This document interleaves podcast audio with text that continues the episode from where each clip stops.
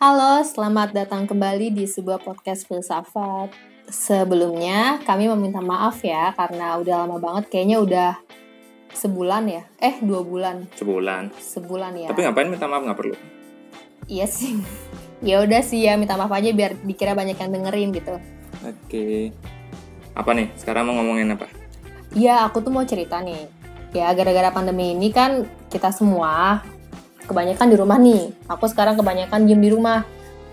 Terus di masa pandemi kayak gini nih, saking sendirinya di rumah dan di rumah terus, ya aku punya lah waktu buat ngerenungin segala keputusan yang aku am pernah ambil sampai saat ini. Kamu kenapa nih? Emang ada yang kamu sesali atau gimana?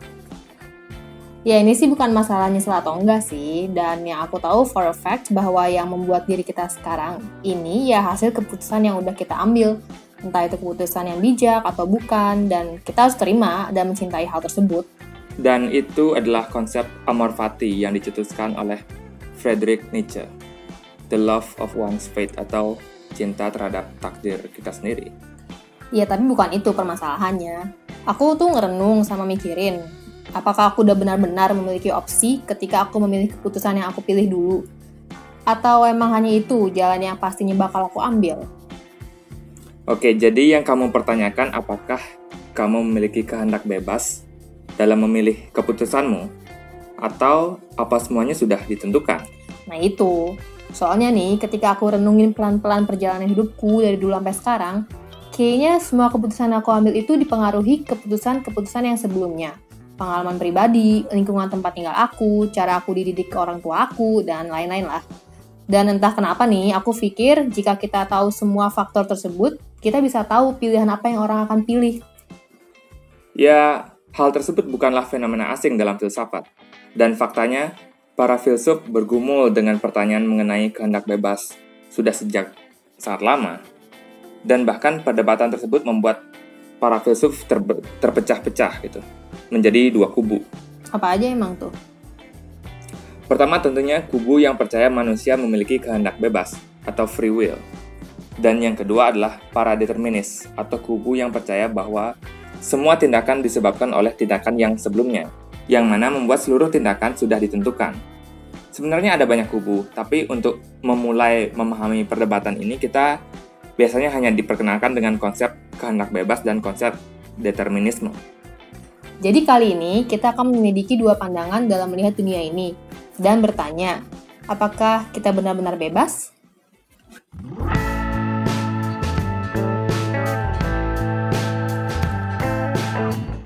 Sebelum kita bahas dua pandangan tersebut, aku pengen ngasih tahu kamu sebuah cerita atau mitos lebih tepatnya. Ini adalah mitos Yunani, Oedipus. Seharusnya kamu udah familiar dong dengan nama dari cerita tersebut. Pernah denger sih, itu kayak sindrom gitu nggak sih yang disebut Oedipus? Ya, nanti ada alasan kenapa itu disebut Oedipus kompleks. Oke, aku coba ceritain aja ya langsung. Jadi Oedipus adalah seorang raja dari kerajaan Tebes. Suatu ketika kerajaan Tebes, nggak tahu bener pronunciasinya apa enggak, mungkin yang ngerti sejarah Yunani tahu. Jadi kerajaan Tebes sedang dilanda wabah penyakit. Setelah diusut dan ditanyakan ke peramal, katanya penyebab wabah tersebut adalah karena pembunuh raja sebelumnya yakni Raja Laius belum ditemukan. Oh, jadi si Oedipus ini anaknya si Laius? Bukan, Oedipus adalah raja baru yang diangkat karena berhasil menjawab teka-teki Sphinx. Ya ini beda cerita lah, tapi intinya raja yang baru adalah Oedipus dan dia memperistri ratu yang sebelumnya. Setelah mengetahui penyebab wabah itu, dia bersumpah akan menemukan pembunuh itu dan mengutuknya. Maka dari itu dia memanggil seorang peramal buta bernama Teresias. Namun peramal itu menolak untuk memberitahu Oedipus siapa pembunuh itu. Malahan dia disuruh untuk berhenti mencari pembunuh itu. Namun peramal itu menolak untuk memberitahu Oedipus siapa pembunuh itu. Malahan dia disuruh untuk berhenti mencari pembunuh itu. Oedipus pun marah karena itu dan menuduh Teresias lah yang bersekongkol membunuh raja sebelumnya, Raja Laius. Kemudian Teresias berkata, "Kamu sendiri adalah kriminal yang kamu cari." Selanjutnya dia mengatakan, "Ketika pembunuhan itu terungkap, maka Oedipus akan menjadi warga asli Tebes, Soalnya dia aslinya dari kota Korin. menjadi kakak dan ayah dari anaknya sendiri, dan menjadi anak dan suami dari ibunya sendiri. Lah, gimana dah? Aku nggak ngerti. Iya, sabar ya. Mah nggak ngerti. Ya lanjut aja, ini nanti kamu juga ngerti. Oedipus menjadi bingung. Lalu Jocasta, istrinya, yang mana istri dari raja terdahulu, mengatakan tidak usah memperdulikan itu. Karena peramal tersebut juga pernah salah dalam meramalkan dia dan suaminya dulu. Oedipus pun bertanya, apa ramalan Tiresias yang dulu? Jocasta lalu memberitahu isi ramalannya, bahwa anak mereka suatu saat nanti akan membunuh ayahnya sendiri dan kemudian menikahi ibunya. Jocasta bilang bahwa Laius, raja terdahulu, dibunuh bandit di perempatan jalan ketika menuju kota Delphi. Maka dari itu ramalannya salah. Ya, sejauh ini ngerti kan kamu?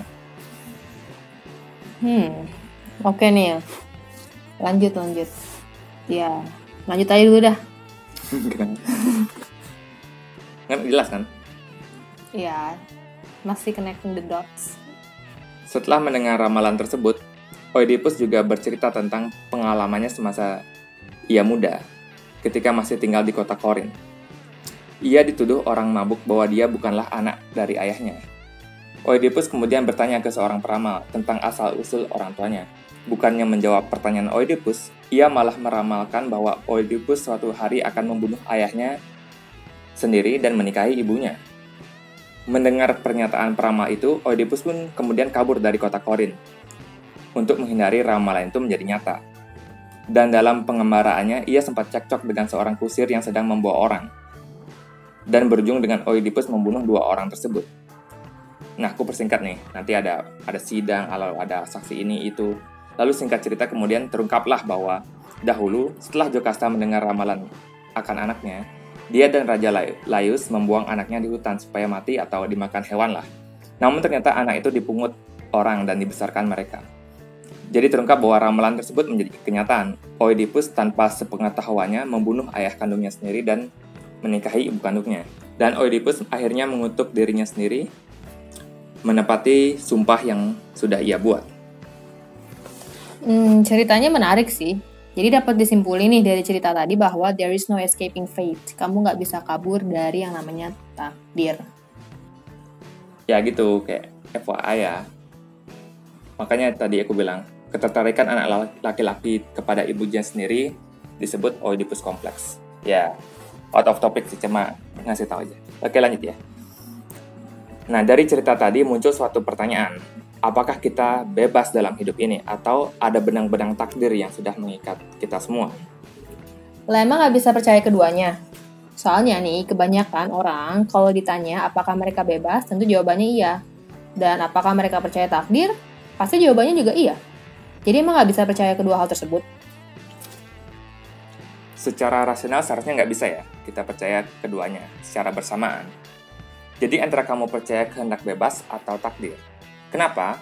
Karena jika kamu percaya bahwa manusia memiliki kehendak bebas, berarti manusia memiliki opsi dalam memilih pilihan yang ia kehendaki. Namun jika kamu percaya semua hal sudah ditentukan, ya berarti ya ada cuma satu opsi atau satu pilihan. Jadi kedua pandangan tersebut saling bertolak belakang. Oke, jadi untuk sementara ini, aku kayaknya berpihak pada tim yang mendukung keberadaan kehendak bebas. Soalnya aku ngerasa bebas. Aku bisa ngambil pulpen ini, ceritanya nih lagi ngambil pulpen nih. Nggak ada yang maksa aku ngambil pulpen ini. Aku mau ambil, aku taruh ya berdasarkan keputusan aku sendiri. Oke, berarti kamu di pihak libertarian atau orang yang percaya bahwa manusia memiliki kehendak bebas. Ingat ya, ini libertarian dalam ranah metafisika, bukan dalam ranah filsafat politik. Jadi mari kita pahami dulu apa itu sebuah tindakan bebas menurut libertarian. Ada tiga syarat untuk sebuah tindakan disebut bebas. Pertama, sebuah tindakan haruslah intensional atau memang niatan dari sang agen atau pelaku sebuah tindakan. Kedua, seperti yang aku bilang tadi, tindakan bebas memerlukan opsi. Contohnya ketika di cafe, kamu dikasih pilihan teh atau kopi, dan kamu milih kopi misalnya. Kamu bisa saja memilih teh, tapi kamu memutuskan untuk minum kopi. Jadi kemungkinan alternatif untuk kamu memilih teh itu ada. Atau bahasa kerennya, the principle of alternate possibilities. Ada kemungkinan kamu milih uh, pilihan yang lain gitu. ada pilihan kedua, ketiga, dan keempat. Dan ketiga, terakhir, cause and control, atau penyebab dan kontrol. Jadi tindakan yang bebas memiliki penyebab kenapa tindakan itu terjadi, dan kita sendiri yang mengontrol tindakan tersebut. Dan kedua faktor tersebut harus ada, nggak boleh cuma kamu penyebab suatu tindakan tapi tidak bisa mengontrolnya. Misalnya sebuah tindakan terjadi secara tidak sadar atau dilakukan oleh alam bawah sadar. Meski kamu yang menyebabkannya, tapi bukan kamu yang mengontrol terjadinya tindakan tersebut maka tindakan tersebut tidak bisa disebut tindakan yang bebas. Oke nih, cukup ya, cukuplah mudah untuk dipahami. Yakin. Iya, lumayan. Nah, terus apa argumen yang mendukung keberadaan free will? Apakah hanya karena kita merasa bebas doang nih semata-mata? Iya, bisa dibilang itu salah satu argumennya. Tapi apa yang kita rasakan belum tentu apa yang sebenarnya terjadi. Contohnya matahari terlihat mengitari bumi, tapi kan kenyataannya bahwa sebaliknya. Apalagi kita sudah membahas di episode ke-13 ya, kalau nggak salah, yang Cogito Ergo Sum, bahwa perasaan bukan sesuatu yang reliable untuk dipercaya. Jadi apa dong argumen dari si libertarian free will untuk mensupport pandangan mereka?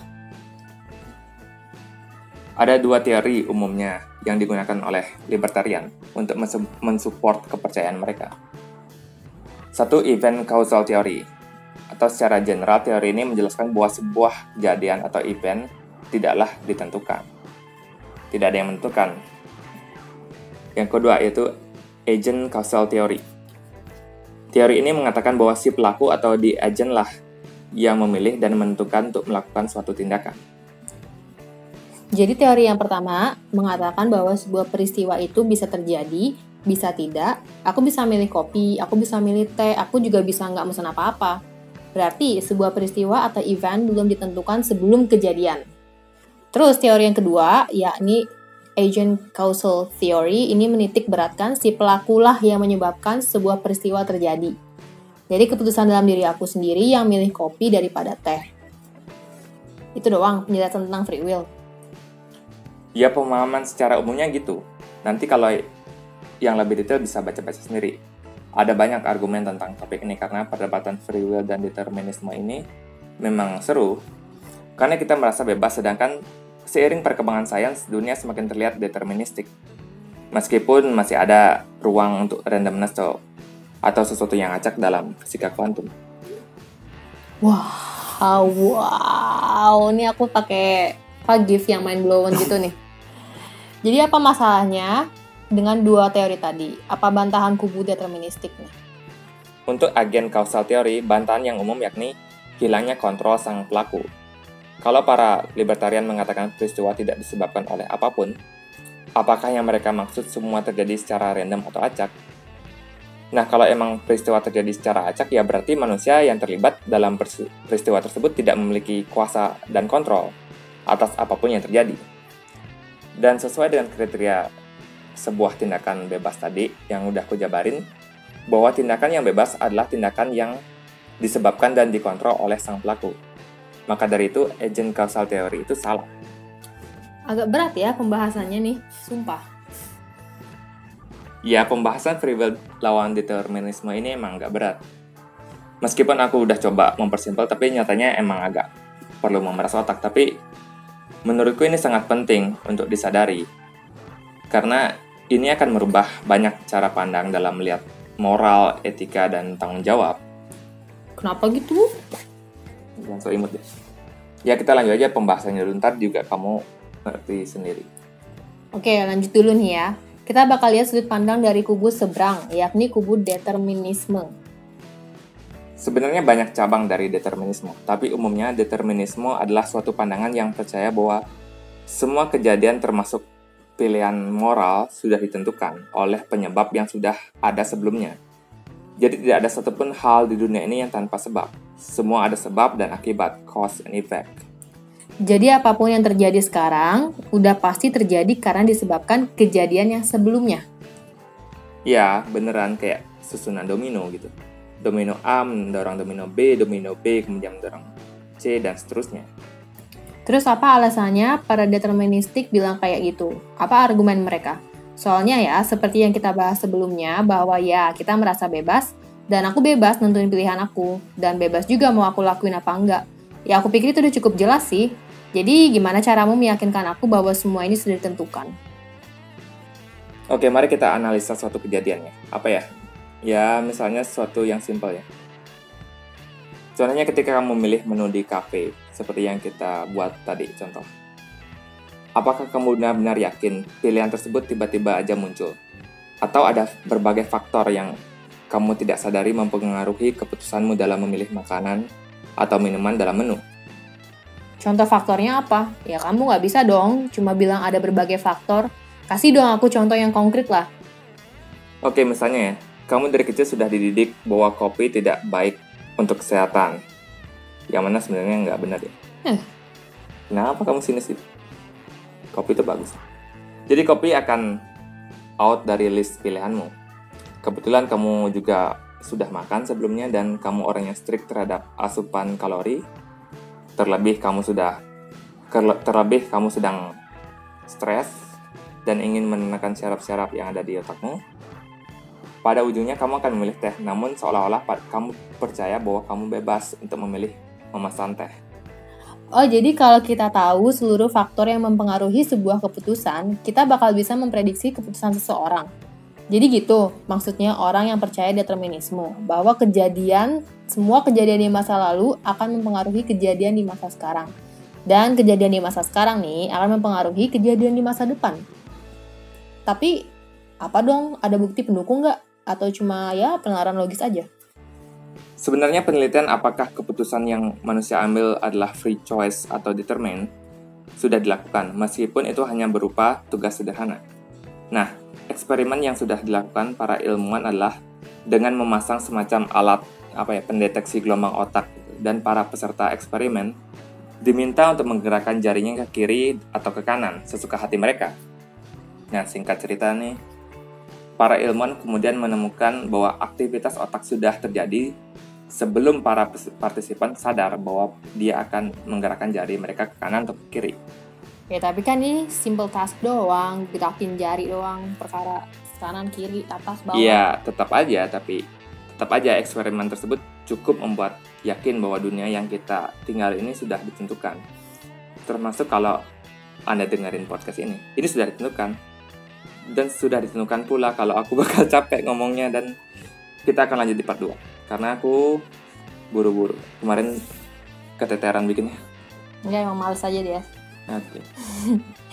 ya dan meskipun kalian kesel itu juga ditentukan loh waka waka waka waka part 2 nya nih kayaknya harusnya bentar lagi sih bisa aku cepetin ya bikin part 2 bakal ngebahas kenapa pentingnya memahami free will dan determinisme dan apa hubungannya dengan kehidupan kita mulai dari kayak aku bilang tadi um, mempengaruhi moral, mempengaruhi etika dan tanggung jawab.